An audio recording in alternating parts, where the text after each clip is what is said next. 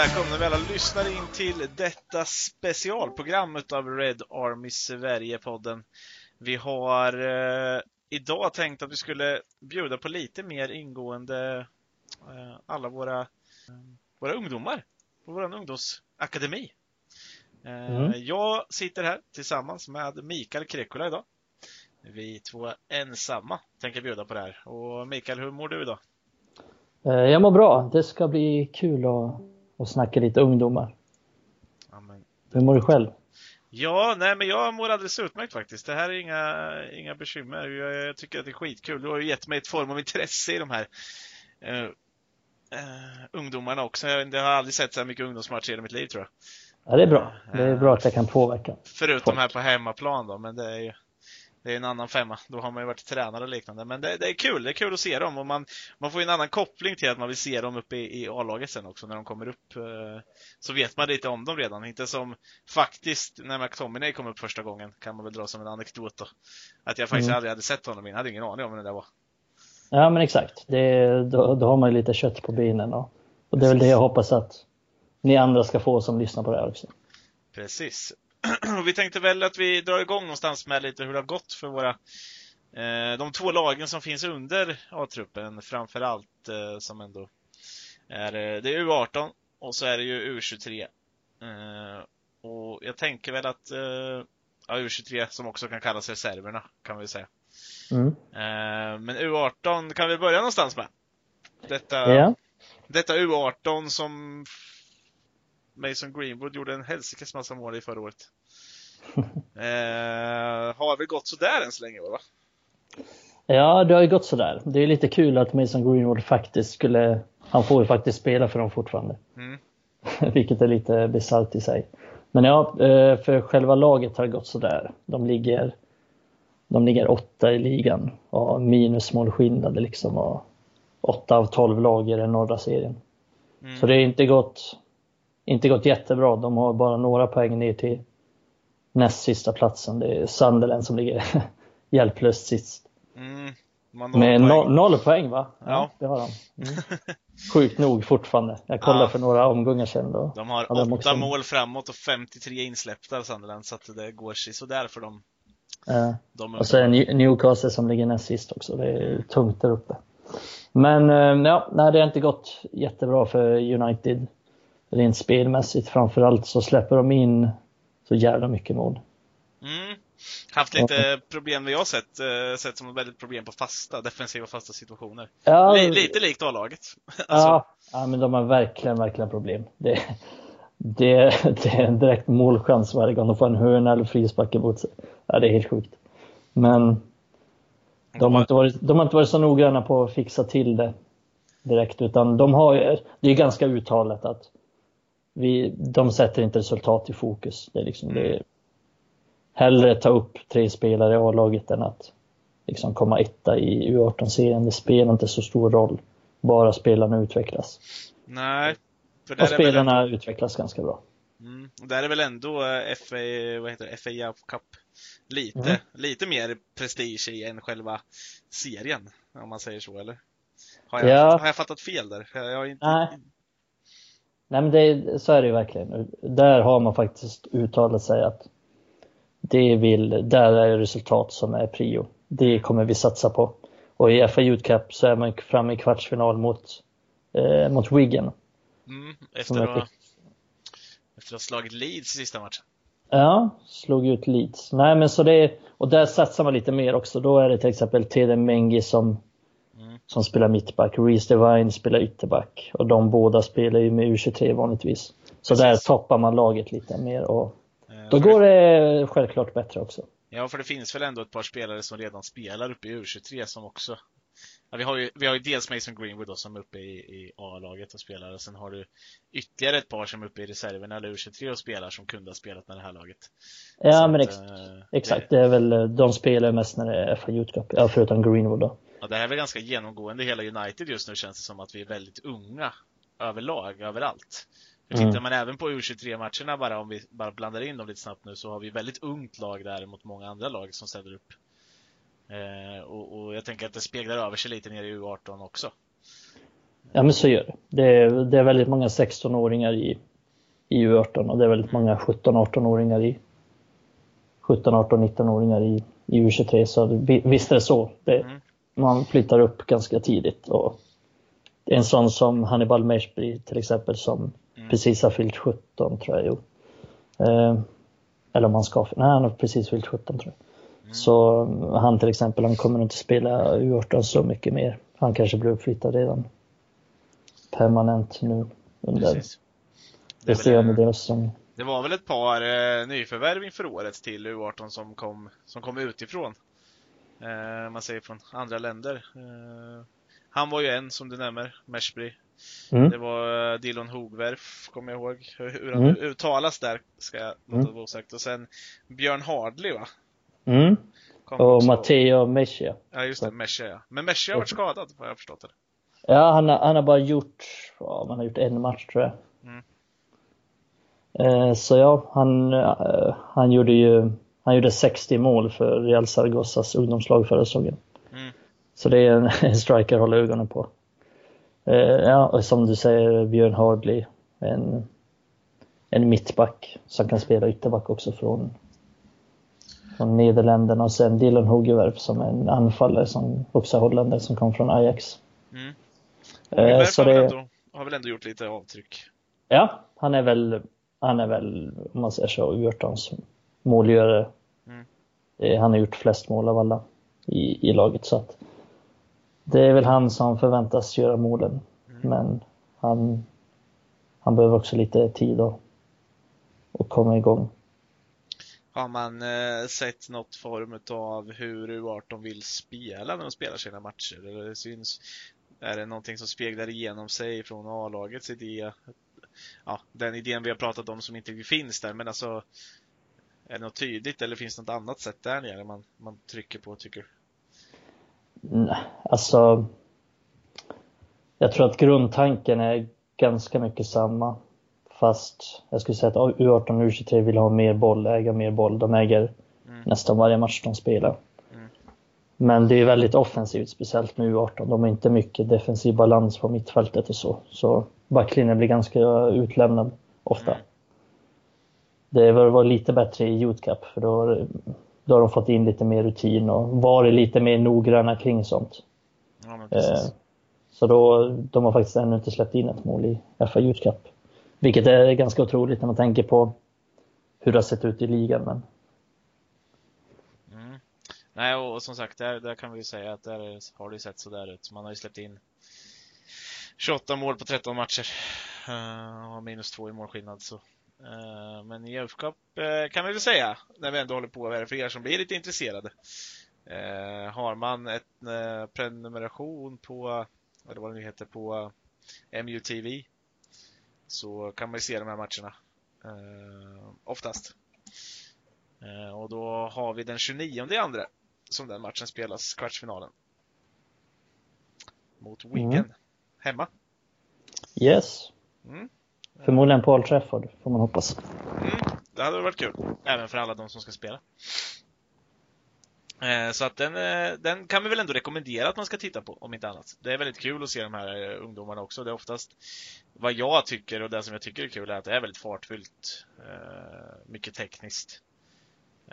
Men jag gillar ändå de här sekvenserna när det, när det finns redan där utpräglade riktiga britter som, som smäller på lite. Ja, men, men så är det verkligen. Det är, det är bara att kolla på åttondelsfinalen som United spelade i mm. FA Youth Cup mot Leeds senast. Den spelades ju på Old Trafford. Leeds hade ju med sig 1500 supportrar dessutom. Mm. Och det var ju väldigt, det var en väldigt tuff match. Det smällde mycket och det var mycket kramp på slutet. Mm. Men United gjorde en bra match och vann rättvist. Ja, och, och, det var väl Leeds som bjöd upp till det mesta där när det gäller det här fysiska spelet känns det som. Ja, det, de hade sin taktik och sparka ner United så mycket som möjligt, eh, verkar ja, som. Hannibal Meshby fick sig en, en rejäl omgång i den där matchen. Mm. Eh, ja, vad känner du? Ska vi flytta över till, eh, till U23-laget? Eh, prata lite om hur det går för dem. Mm. Det, det, har väl sett lite bättre ut där. Eh, Dock väldigt svårt att säga vilka som hela tiden spelar i det där laget, eh, har jag haft en känsla av. Eh, det har ju gått fram och tillbaka i vilka som är uppe i A-laget, vilka som är borta lite och sådär. Så man, för min del, som inte är lika insatt som dig, så har det känts lite så här. Ja okej, nu är han med, men vart är han nu då? För han var inte med i A-laget och sen ja, går det lite fram och tillbaka. Så där. Men det går ju bra för dem.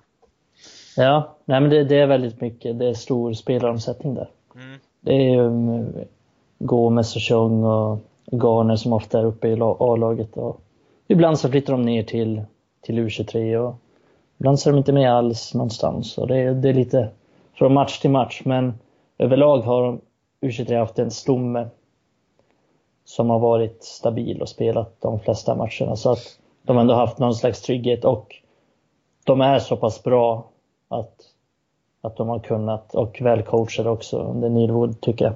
Så att de är så pass bra så att de har lyckats lösa det ändå. Ja, för det var väl en förändring i förra året där att, eh, att Neil Wood eh, ersatt, ersatte, vad hette han, Sebragga? Se, ja. Mm. Eh, ja, han är en av de sämsta U23-tränarna eh, jag någonsin, någonsin har sett. Det var ett obegripligt val. Så det var, det var rätt att han fick, han fick sparken helt enkelt. Och det, han var för jävla dålig måste jag säga. Ja, och, och, det är väl bra att Uniteds U23 går bra. Nu, nu finns det väl en chans. Jag antar ju, det ska väl berättas att Uniteds U23 spelar ju inte i den högsta U23-serien. Uh, Nej, han lyckades ju åka ur med laget, mm. Ricky Zagreb. Det är uh, en bedrift bara det. Precis, men det är ju inte, det är inte ont om, om helt okej U23-lag i division 2 heller, men, men man tillsammans med West Ham dominerar väl den här serien ganska rejält. Mm. Eh, och det är väl egentligen förlust mot West Ham. Och förlust mot Aston Villa. Ja, precis. Eh, och sen ett kryss mot West Ham också. Mm. Eh, som gör att man ligger två poäng efter West Ham, som inte har förlorat ännu. Nej, det är ju United och West Ham som ligger ett och två då. Mm. De, jag skulle säga att de två lagen skulle legat, de skulle ligga topp fem i Förmodligen kanske till och med topp 4, topp 3 i, i den första serien också. Så att eh, United tillhör, det här United U23-laget skulle, det kan vara landets bästa. Så att även fast man ligger efter West Ham så hade man haft med alla hela tiden så, mm. så hade man legat etta tror jag. Eller är jag ganska övertygad om. Men som sagt, stor spelaromsättning och det kan väl West Ham också skylla på till viss del. Men United har haft det lite tyngre där. Absolut. eh, men om man tittar också så har United släppt in minst mål i den serien. Eh, och där kan man väl ändå jag kan tycka i alla fall, jag, jag, såg väldigt mycket i början, sen har jag missat några matcher, sen sett lite i slutet igen. Men eh, en väldigt duktig målvakt där också, har ju funnits i, i, i Matti Kovar. Vad, vad gjorde han i början? Han räddade tre straffar eller någonting sånt där i första matchen. Mm, han, han har räddat flera straffar så att det har ju sett väldigt bra ut där också. Sen är det ju en serie som är lite svår för de verkar ju inte krångligt när de spelar. Det är långa uppehåll och sen spelar de igen och sen spelar de två matcher på en vecka och sådär. Jag vet inte. Det känns lite krångligt att följa det. väldigt genomgående för ungdomsfotbollen i England. Ja. Det kan vara uppehåll på två månader ibland. Det är helt obegripligt. Mm. Eh, och då, då, blir det ju väldigt svårt, eh, i alla fall om man tänker Jag kan tycka att det, det, känns lite, det matchar inte riktigt med det här att man inte lånar ut spelare då heller eh, Ihop med att man eh, låter dem, ja men han får spela i U23, han får speltid där Ja fast de har inte match på två månader, ja ah, okej okay. Det låter ju lite konstigt, jag tänker om man tänker för Oles sätt då, eh, och i A-truppen Ja men verkligen så är det. det är, U23 är ingen bra serie överhuvudtaget för spelare som Gomes med Garner. Mm. Dels är de för bra för den, men också så är det för få matcher. Det är för dåligt motstånd och för, och för, ja, för få matcher. Mm. Eh, jag tänker bara, du, du, nämnde en stomme där. Den här stommen har väl varit eh, vad, jag, vad, jag, kan tänka mig att du menar så är väl Menge en av dem. Eh, Dijon Bernard med det otroligt svårstavade förnamnet. Mm. Eh, Dylan Levitt Laji Ramazani eh, och vad heter han? Mellor på topp. Ja, och Ethan Galbraith skulle jag också säga. Som det. Och det på mittfältet. Han har ju varit med otroligt mycket sen Brandon Williams blev uppflyttad. Ja, det är han som har tagit över den platsen. Han flyttades upp från U18 när, mm. när Williams flyttades upp till A-laget. Mm. Nej, men det ser ju bra ut för vårt u i alla fall. Och jag vet inte hur det funkar. Går båda lagen upp där eller är det bara första laget som går upp? Eh, första laget går upp, andra laget får kvala. Okay. Så att United har en bra chans att gå upp. Ja, och då skulle man kunna få kvala om man bara tittar division 1. Uh, U23 så uh, hade jag faktiskt ingen statistik på det just där. Jag kan kolla lite snabbt här. Uh, där har vi den. Det ser lite ut som att uh, det är samma lag som dominerar i uh, ungdomsfotbollen i U18. Är ganska bra i, även i U23. Mm. Uh, här sitter ju högt upp i båda. Everton ganska högt upp också. Men det ser ut att kunna bli lag som ja, Southampton, Wolverhampton, Tottenham ligger där nere också. Men Southampton mm. Wolverhampton lite avhängda. Ja, det blir någonting sånt. Det, Precis. United har fortfarande bra chans att vinna serien. Så. Ja, och, och lyssnar man på dig då, då, så tänker man ändå att United ska ha en chans att och även vinna ett kval då, om man tittar på de lagen som spelar i division 1 just Absolut. Det beror, ja, det beror såklart mycket på vad United får för lag till den matchen. Och, mm. eh, jag tror United är rätt så sugna på att gå upp. Så att eh, United kommer då med, med all sannolikhet gå upp den säsongen. Yes. Uh, och jag bara tänker lite snabbt där, för de har ju ändå spelat en annan turnering som de redan har åkt ur i va? Mm. Uh, men som ändå uh, en ganska rolig turnering sett till U23 tycker jag, IFL Trophy. där de får möta seniorlag. Väldigt rolig turnering för klubbarnas U23-lag väldigt tråkig turnering för fansen till League One och Championship-lag och League 2-lag. De hatar den fullständigt. Vilket jag kan förstå. Men det är extremt, det är extremt bra utveckling för, för våra spelare att få möta seniorlag och få möta dem på bortaplan dessutom. Mm. Uh, United inledde ju de vann ju mot Rotherham som leder One mm. på bortaplan. Vann mot Lincoln som ligger helt okej okay till i One. Så att eh, de vann ju gruppen, vann alla matcher i gruppen. Mm. Och sen, sen åkte de ut mot Tranmere borta. Eh, men då hade United borta väldigt många spelare, tyvärr. Så att, mm. Men Tate Chong gjorde två mål och United förlorade med 3-2. Trots en enorm press på slutet så lyckades vi inte få till få till någonting. Det är lite roligt med det var ju att eh, United skulle egentligen ha spelat hemma. Mm. Men de ansökte till IFL och, och, och frågade om de fick spela matchen på bortaplan istället. Ja, visst, om ni vill det så. det, är, det, ja, det är lite kul. Det, det säger väl ändå att man tänker ganska rätt från Manchester United, eller hur? Ja, men exakt. Det, det, viktiga, det är viktigare att spela en sån match på bortaplan än att ha lite större chans att vinna den på hemmaplan. Och det är rätt tänkt tycker jag. Ja, jag tycker att det låter friskt faktiskt när man, när man ändå hör det sådär. Eh, jag funderar så här. Vi har ju lagt upp det här avsnittet lite så att vi, vi tänker att vi ska bygga vår diskussion på, på eh, era frågor. Eh, lite vad ni är intresserade av att höra kring ungdomar och sådär och därför bad vi om frågor. Vi la ut det redan lite tidigare här i, eh, under söndagen. Eh, och så spelar vi in nu måndag kväll. eh, och ja, jag vet inte vad du säger Mikael, om vi inte ska hoppa på de där frågorna nästan direkt. Mm, det mm. tycker jag. Eh, jag tänker att vi, vi börjar här på Twitter har vi fått en, en fråga som rör en spelare vi precis har pratat om. Eh, lite i alla fall, vi har nämnt honom. Eh, Mm. Mergi Miselci skriver Menge ser spännande ut. Är han bättre än vad Tuan Sebe var vid samma ålder? Och här kan jag säga att här är utanför min eh, inblick i allting, utan det är lite din expertis Mikael. Så jag lämnar en varm hand över den till dig. Ja, det, det är svårt att, att svara på. Eh, Tuan Sebe var ju väldigt dominant som ungdomsspelare, obviously. Men eh, till Menga, det är så oväntat för att han var eh, helt okej okay förra säsongen. Han gjorde en helt okej okay säsong, men han var inte utmärkande bra på något sätt. Och så nu han kom in så började han i U18, gjorde några matcher där. Men så var han så fantastiskt bra att han blev uppflyttad till U23.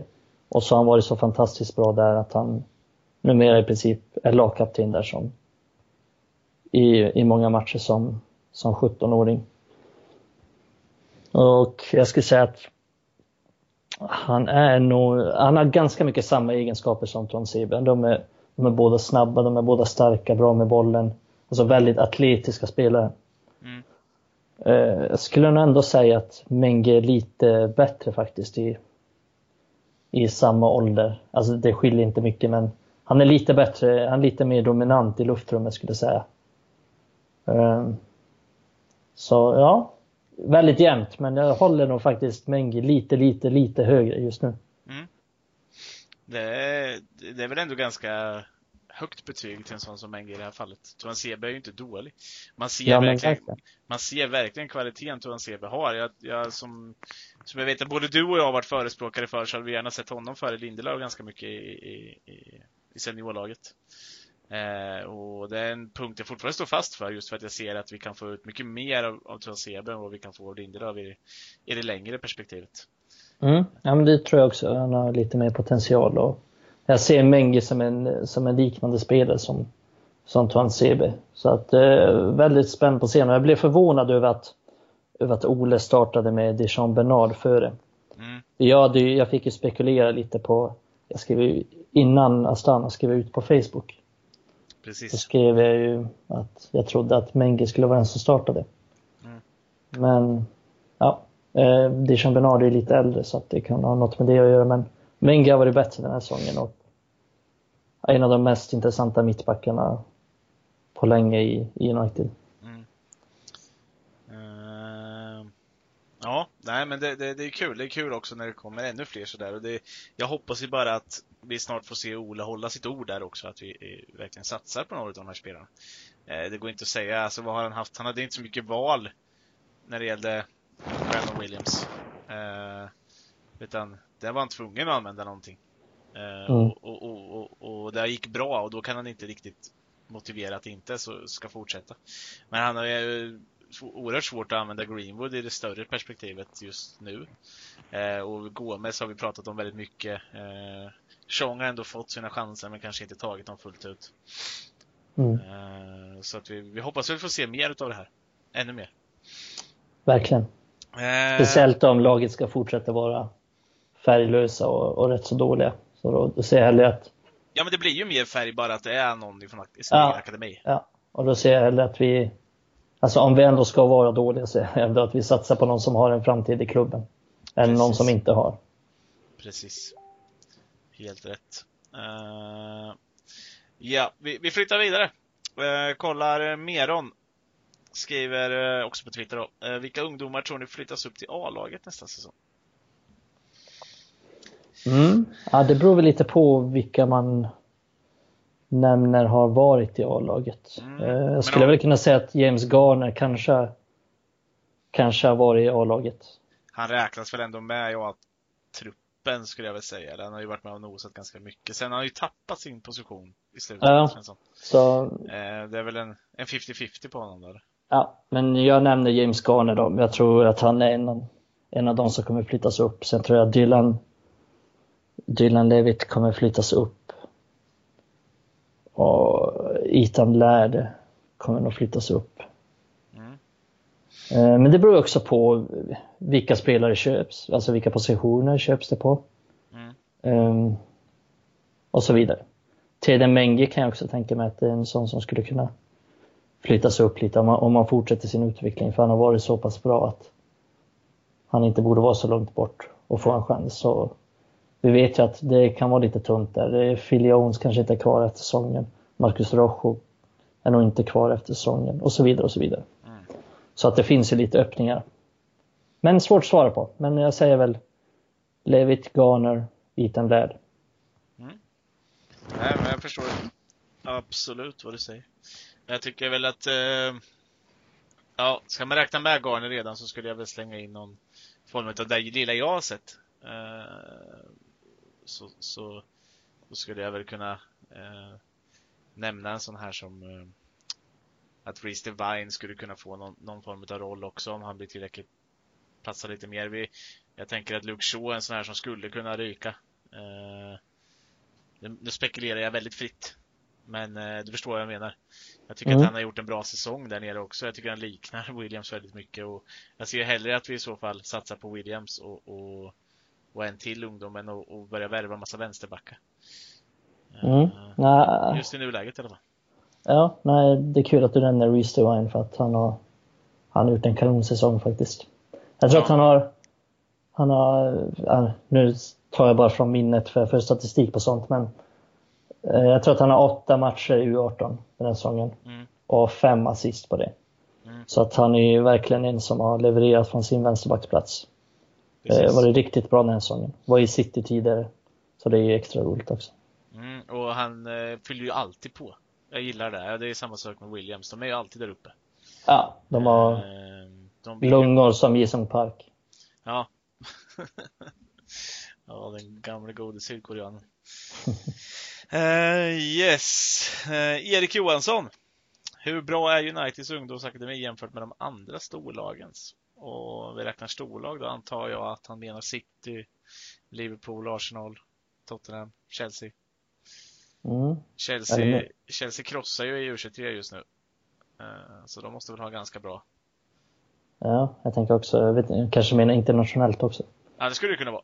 I och för sig. Ja. Nej, ja, det, det är ju några storlag som har bra akademier. Mm. Till exempel Real Madrid, Barcelona. Förutom de engelska lagen, Ajax. Uh, men snackar vi England så, så är Chelsea varit de dominanta de senaste åren och tillsammans med City. Det är de två som har varit bäst. United har haft en dipp de senaste, ja, säg tio åren. Mm. Men är på väg upp ganska mycket och jag skulle säga att United är på god väg att, att hamna i toppen. Och det, förra säsongen så var man ju de första som slog ut Chelsea i FA Youth Cup. Mm. Eh, Chelsea hade vunnit turneringen typ fem år i rad och United slog ut dem. Mason Greenwood gjorde hattrick, by the way. Så det var en anledning till att, till att bryta Chelseas dominans. Men ja, eh, United är på vä god väg att nå till den toppen. De har,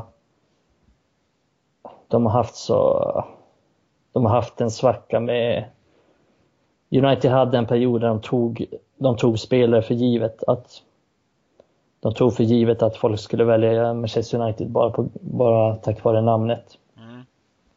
Men medan City satsade på nya anläggningar till ungdomarna, nya alltså liksom fräscha, fräscha idéer som medan United var mer gammalmodiga och då, det resulterade i att till exempel Darren Fletcher valde att ha sin son i Citys akademi istället för Uniteds.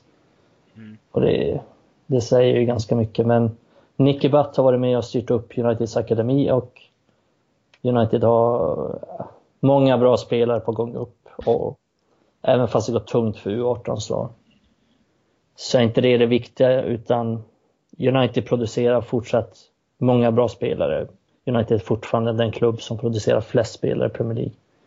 Och det kommer inte ändras nu de kommande åren för att det går väldigt bra för Uniteds akademi just nu.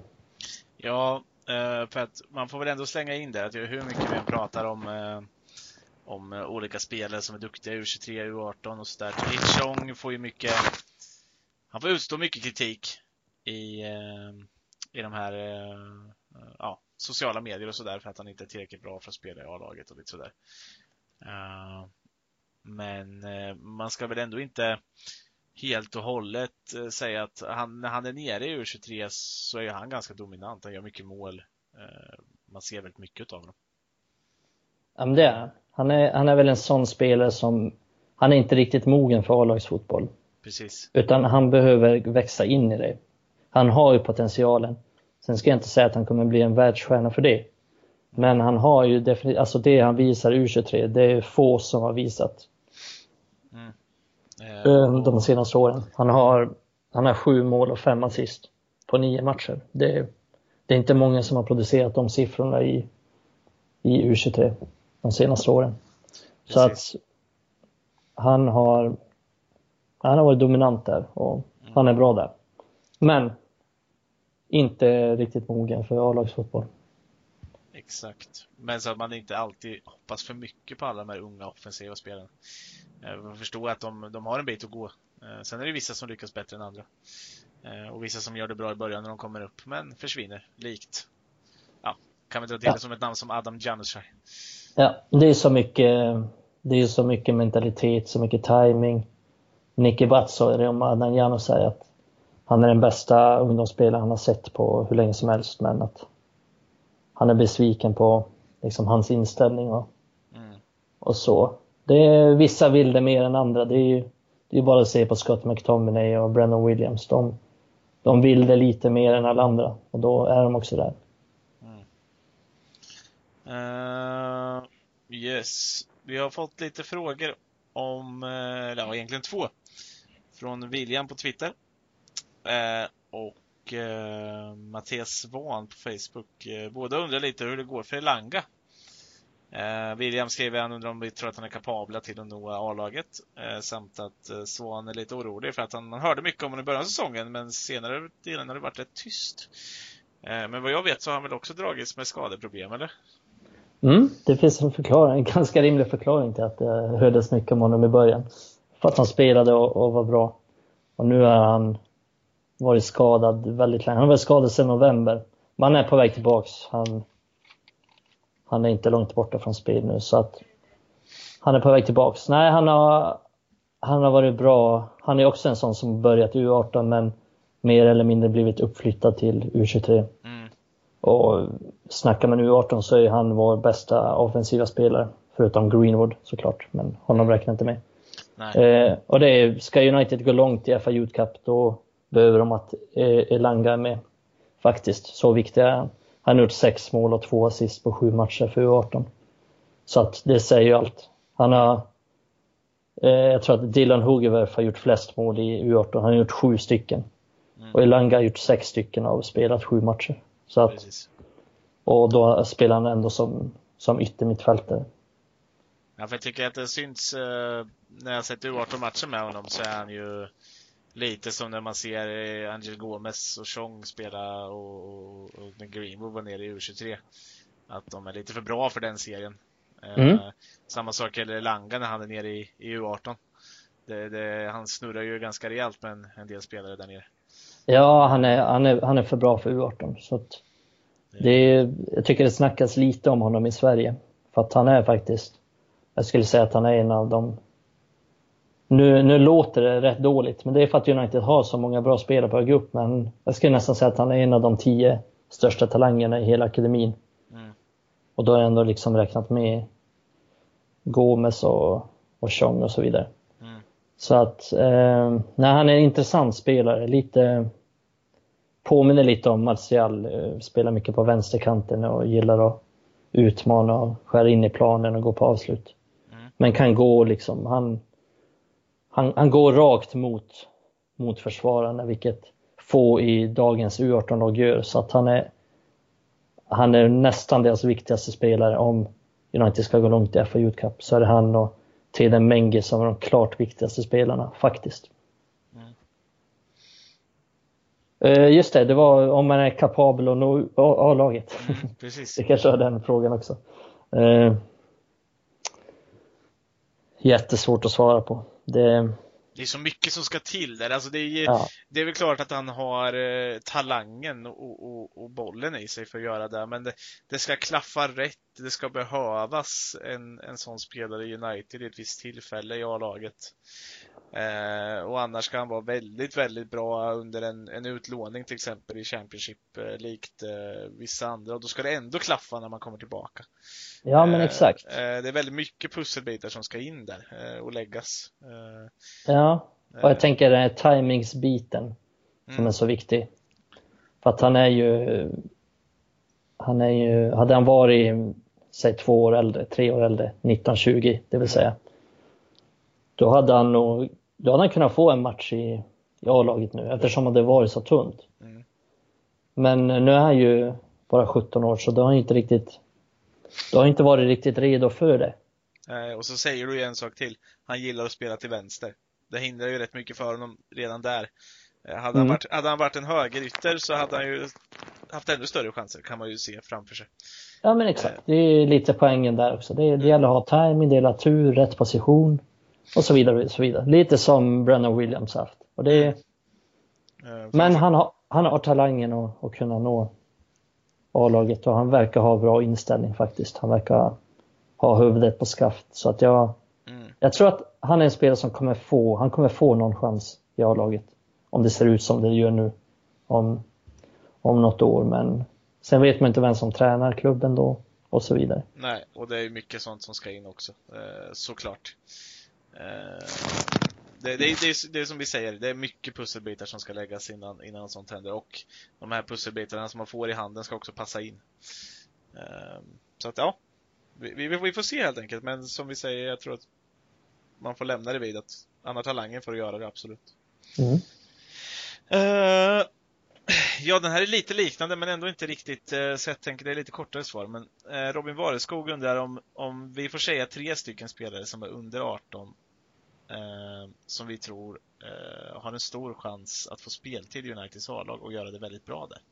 Och det, han säger ju inte mm. inom vilken tid, tids, tidsspann så, men jag tänker att det får väl ändå vara overall, så att, att de någon gång kommer mm. Ja, som jag, sagt. Jag tror att nummer eh. ett kan vi nog säga båda två att det är Hannibal Meshbry. Om vi ska se U18-spelare. Mm, det honom tänkte jag nämna nu, nu när du säger det.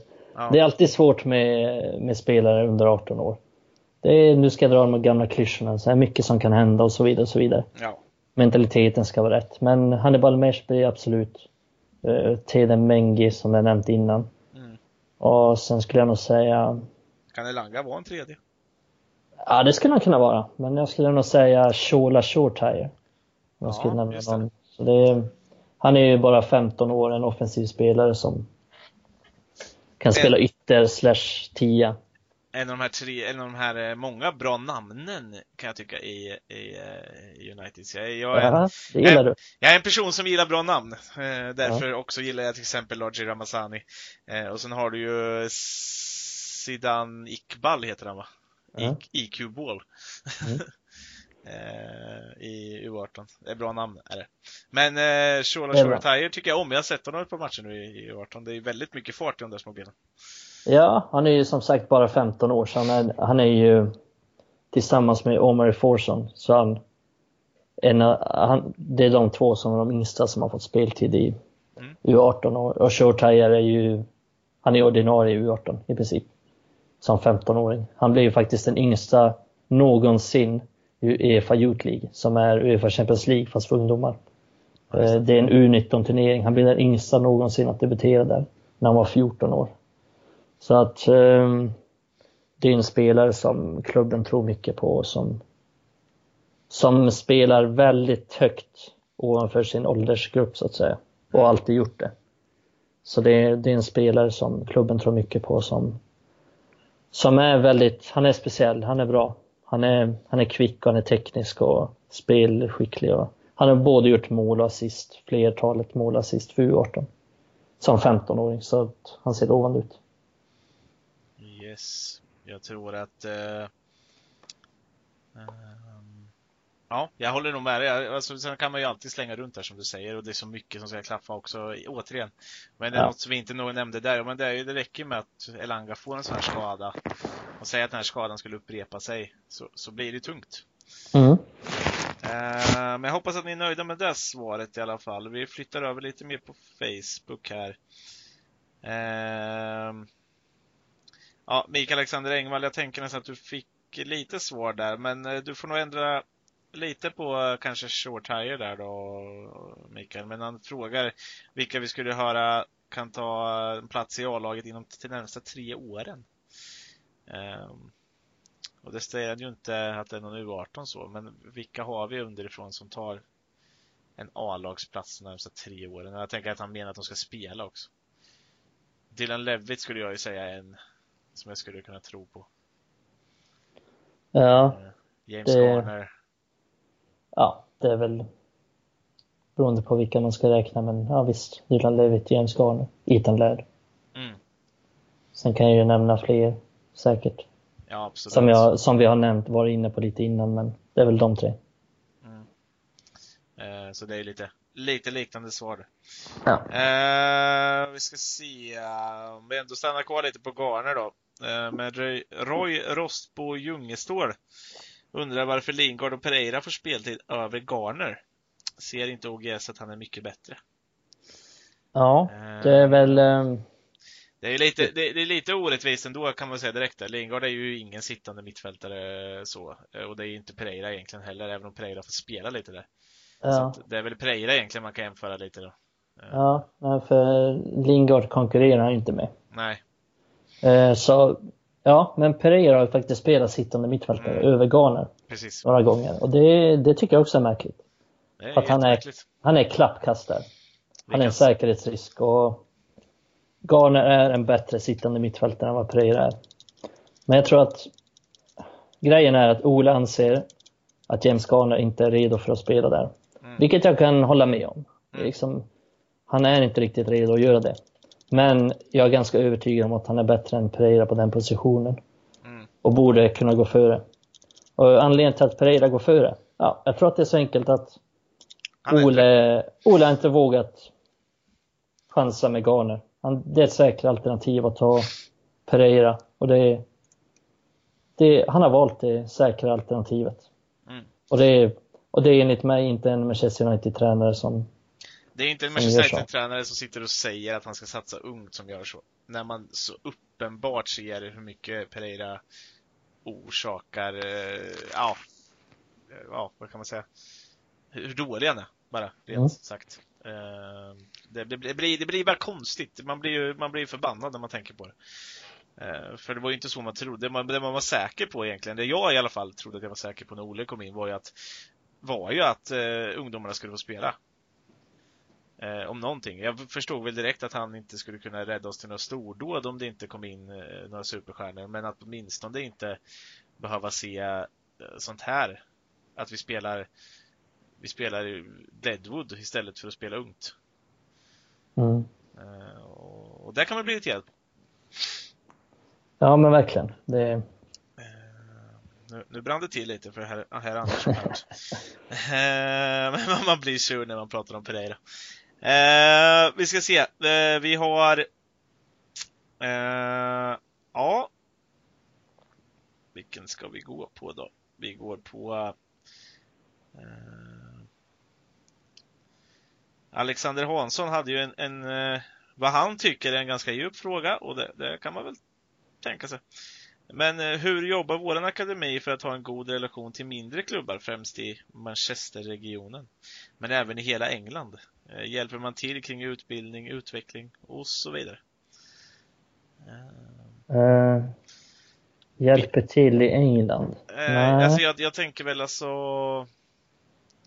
om man framförallt Manchesterregionen runt omkring, vad har vi för lag? Det ju, finns för säkert en väldigt massa lag, men jag tänker väl att det är väldigt lätt scoutat just i, i sin egen region och hitta bra ungdomar som man tar till sig, eller? Ja, alltså, där, där har United några samarbeten, till exempel Fletcher Moss Rangers. är en sådan typ av amatörklubb som har, där många, många United-spelare har varit. Så det är väl eh, en klubb man skulle kunna säga att man har lite samarbete kring. Mm. Alltså, men alltså, självklart försöker United ha god relation med de flesta klubbarna, för det gynnar ju dem att ha det. Mm. Men jag tror inte att man gör någonting särskilt för att ha det. Nej, man... Och framförallt inte i, liksom, United har ingen... Det är inte så att de sitter och hjälper klubbar i Brighton. Utan det är väl främst i den här regionen som man har. Man har lite samarbete med. med och det, det handlar väl mycket om så här, skolgång och sånt också. Mm. Uh, Vilket alla ungdomsspelare i United ska klara av. De ska klara av skolan och det gäller Mason Greenwood såväl som som Marcus Rashford när han slog igenom också. Ja, det gäller alla spelare. Precis. Det finns ju, fanns ju fortfarande någon bild som florerar då när de åkte till Champions League någon gång där med, med Rashford när han satt och pluggade. Eh, mm. på, på flyget. För att han hade prov dagen efter eller någonting sånt. Mm. Eller två dagar efter eller något. Ja. Eh, så att det, det, och det är väl bra. Alltså det ska ju ändå finnas, för man vet som sagt aldrig. Det kan ju vara en skada som är framme och så får de inte spela fotboll mer. Ja, men det, det är väldigt vanligt. Eh, Mason Greenwood missade ett mästerskap med England, ungdomsfotboll, för att som, jag tror att den brukar spelas i maj och han missade den för att han hade, han hade skolarbete som han inte kunde missa. Och, det är ju vettigt om inte annat. Ja. Eh, istället för att sluta som eh, eh om ni, en gammal United-talang, Federico Makeda, som gick om samma årskurs eh, fyra gånger och eh, ja, åkte tillbaka ett x antal år senare för att misslyckas en gång till. Eh, med ett enda prov. då har han inte så mycket att luta sig tillbaka på, förutom fotbollen. Och med lite otur där så är det inte säkert att man klarar sig speciellt bra. Nej men verkligen, det, det, ska, inte ta, det ska inte tas lätt på. Nej. Uh, vi har vi pratat lite taktik där, hur, hur flexibla U18 och U23 är. Uh, men start, de startar väl inte med 4-2-3-1 som grund hela tiden? Eller? Nej, det är väl lite olika. Ibland är det 4-3-3 och ibland 4-2-3-1. Mm. Det är, det är Staffan som... Söderlund som ställer den här frågan förresten. Förlåt, på Facebook. Ja. Um, så det är, det är oftast 4-3-3 eller 4-2-3-1 eller någon form av variant av det. Uh, det är väl det som skiljer mest är väl att U18 och U23 aldrig, vad jag vet, vad jag kan minnas den här säsongen, använt en trebackslinje. Utan de alltid spelar med fyrbackslinje. Mm. Det är väl den största skillnaden. Men annars så, det är tanken i alla fall att de ska försöka spela på ungefär samma sätt. Att det, det ska bli en smidig övergång när man väl kommer upp till A-laget så ska det funka. Man ska spela sitt spel och spela ungefär som vanligt. Man ska vara in, inpräntad i det systemet.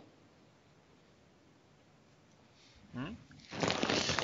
Uh, och eh, Ja, vi har fått även på Instagram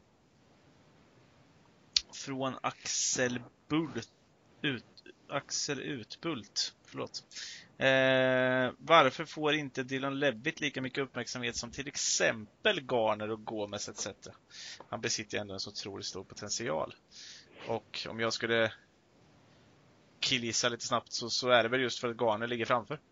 Och de är i, samma kategori av spelare.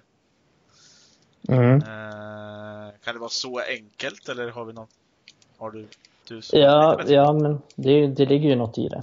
det de konkurrerar ungefär om om samma plats. Men det är lite intressant, när de spelade samtidigt mot Ostana så blev Garner utbytt medan Dylan Levitt spelade hela matchen. Mm. Det är lite intressant. Men jag tror det handlar också mycket om vilken typ av person han är och vilken typ av spelare han är på planen. Han är lite mer tillbakadragen både på och utanför planen. Eh, och det är väl därför ja, uppmärksamhet och kanske tänker det snackas inte lika mycket om honom. Och det, det, är väl lite därför tror jag. Han är lite tillbakadragen och, och mm, ingen som sticker ut på planen med att han gör massa mål, assist och så. Jag tror att för att uppskatta honom så måste man ha en ganska djup förståelse om fotboll. Utan han är en väldigt bra passningsspelare. Ja, han styr mycket av tempot och sånt i matcher. Så att, och som sagt, han är väl inte den som sticker ut. Nej, men han gör ju inte de här plan. Tittar man på Garner, han har väl smält in en treårets mål i U23 år. Uh... Ja, men exakt. Det är lite mer flash på så sätt. Och Garner är väl lite mer en sån som kan komma in med en tackling och kan komma in med en hård duell där och så. Mm. Mer alfahane om man vill säga så, på planen. Så att jag skulle tro att det är därför det inte, han inte fått lika mycket uppmärksamhet. Men mår, mår ju väldigt bra av att ha en sån som Levit bredvid sig. Som är väldigt, väldigt stabil med bollen. Ja, men de är, de är båda jättebra spelare och det är kul att vi har de två. Mm. Eh, och sen André Gomes har ju under hela sin sin ungdom egentligen pratat om. Sen han, eh, framförallt sen han eh, kom in då, eh, det var under Ryan Giggs va? han hoppade in första gången. Nej, Mourinho tror jag. Var det Mourinho? Det kanske var. Jag för mig. Nej, det var inte han förresten. Nej, det var inget. Nej, det var nog Mourinho. Men han kom in som så väldigt ung i A-laget och gjorde en, en debut där. Sen har det ju pratats väldigt mycket om honom. Ja, men det har alltid snackats mycket om Gomes. Han, det, det har snackats om honom sedan han var tio år. Jag, jag har känt till honom i många år, fast jag aldrig hade sett honom spela. Så. Mm. Det var en spelare som det alltid snackas om. Och, det, och när man ser Gomes så fattar man det. det är liksom, mm. Han gör grejer som är, som är helt otroliga, som inte, kan, som inte tror att man kan göra med en boll ens.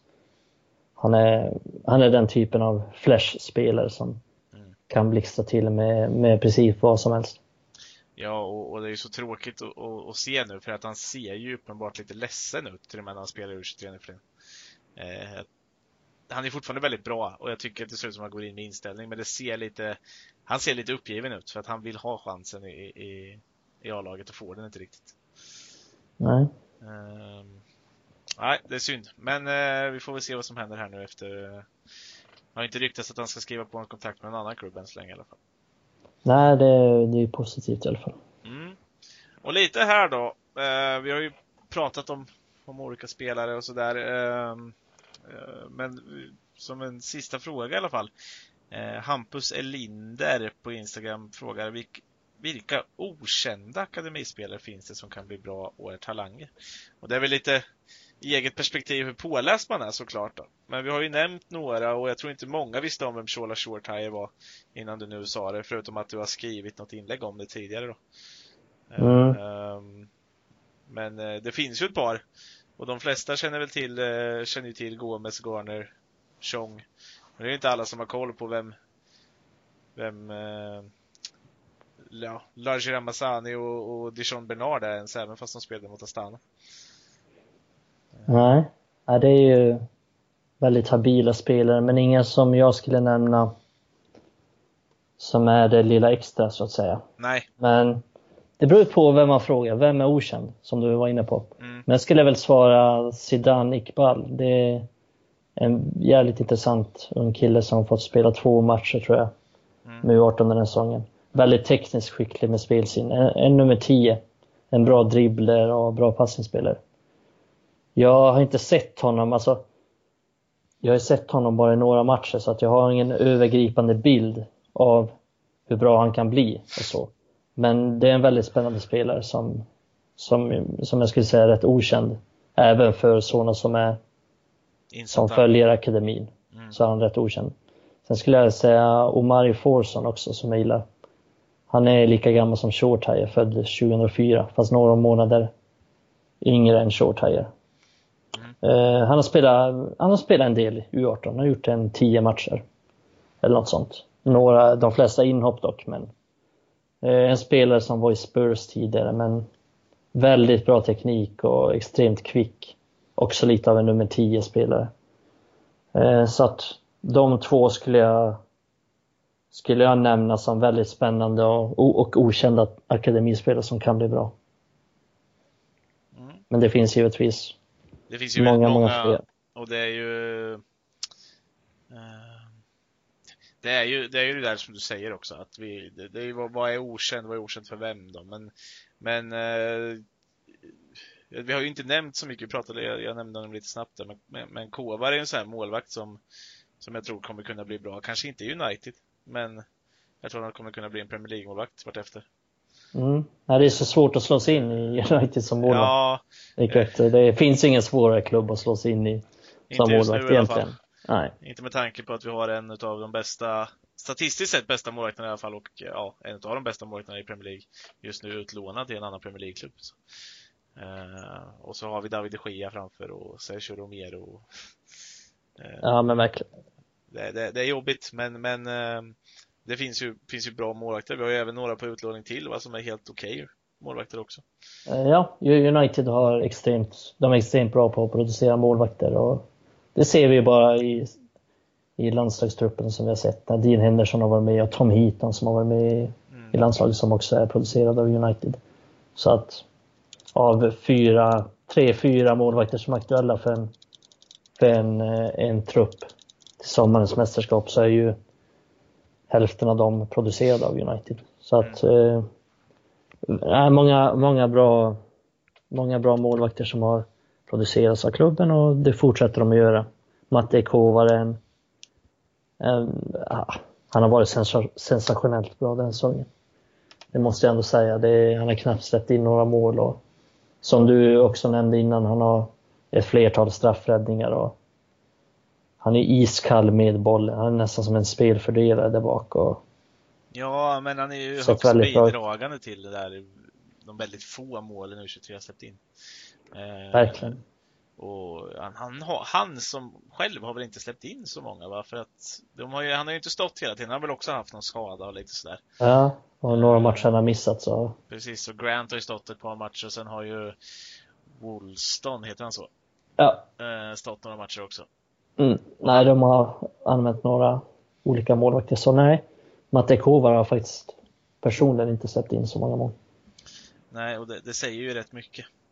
Men eh, vad om du får spegla någonting här nu då som, som, eh, som sista sekvens utav det här avsnittet. Vad, vad, vad tror du om, om det här framåt nu?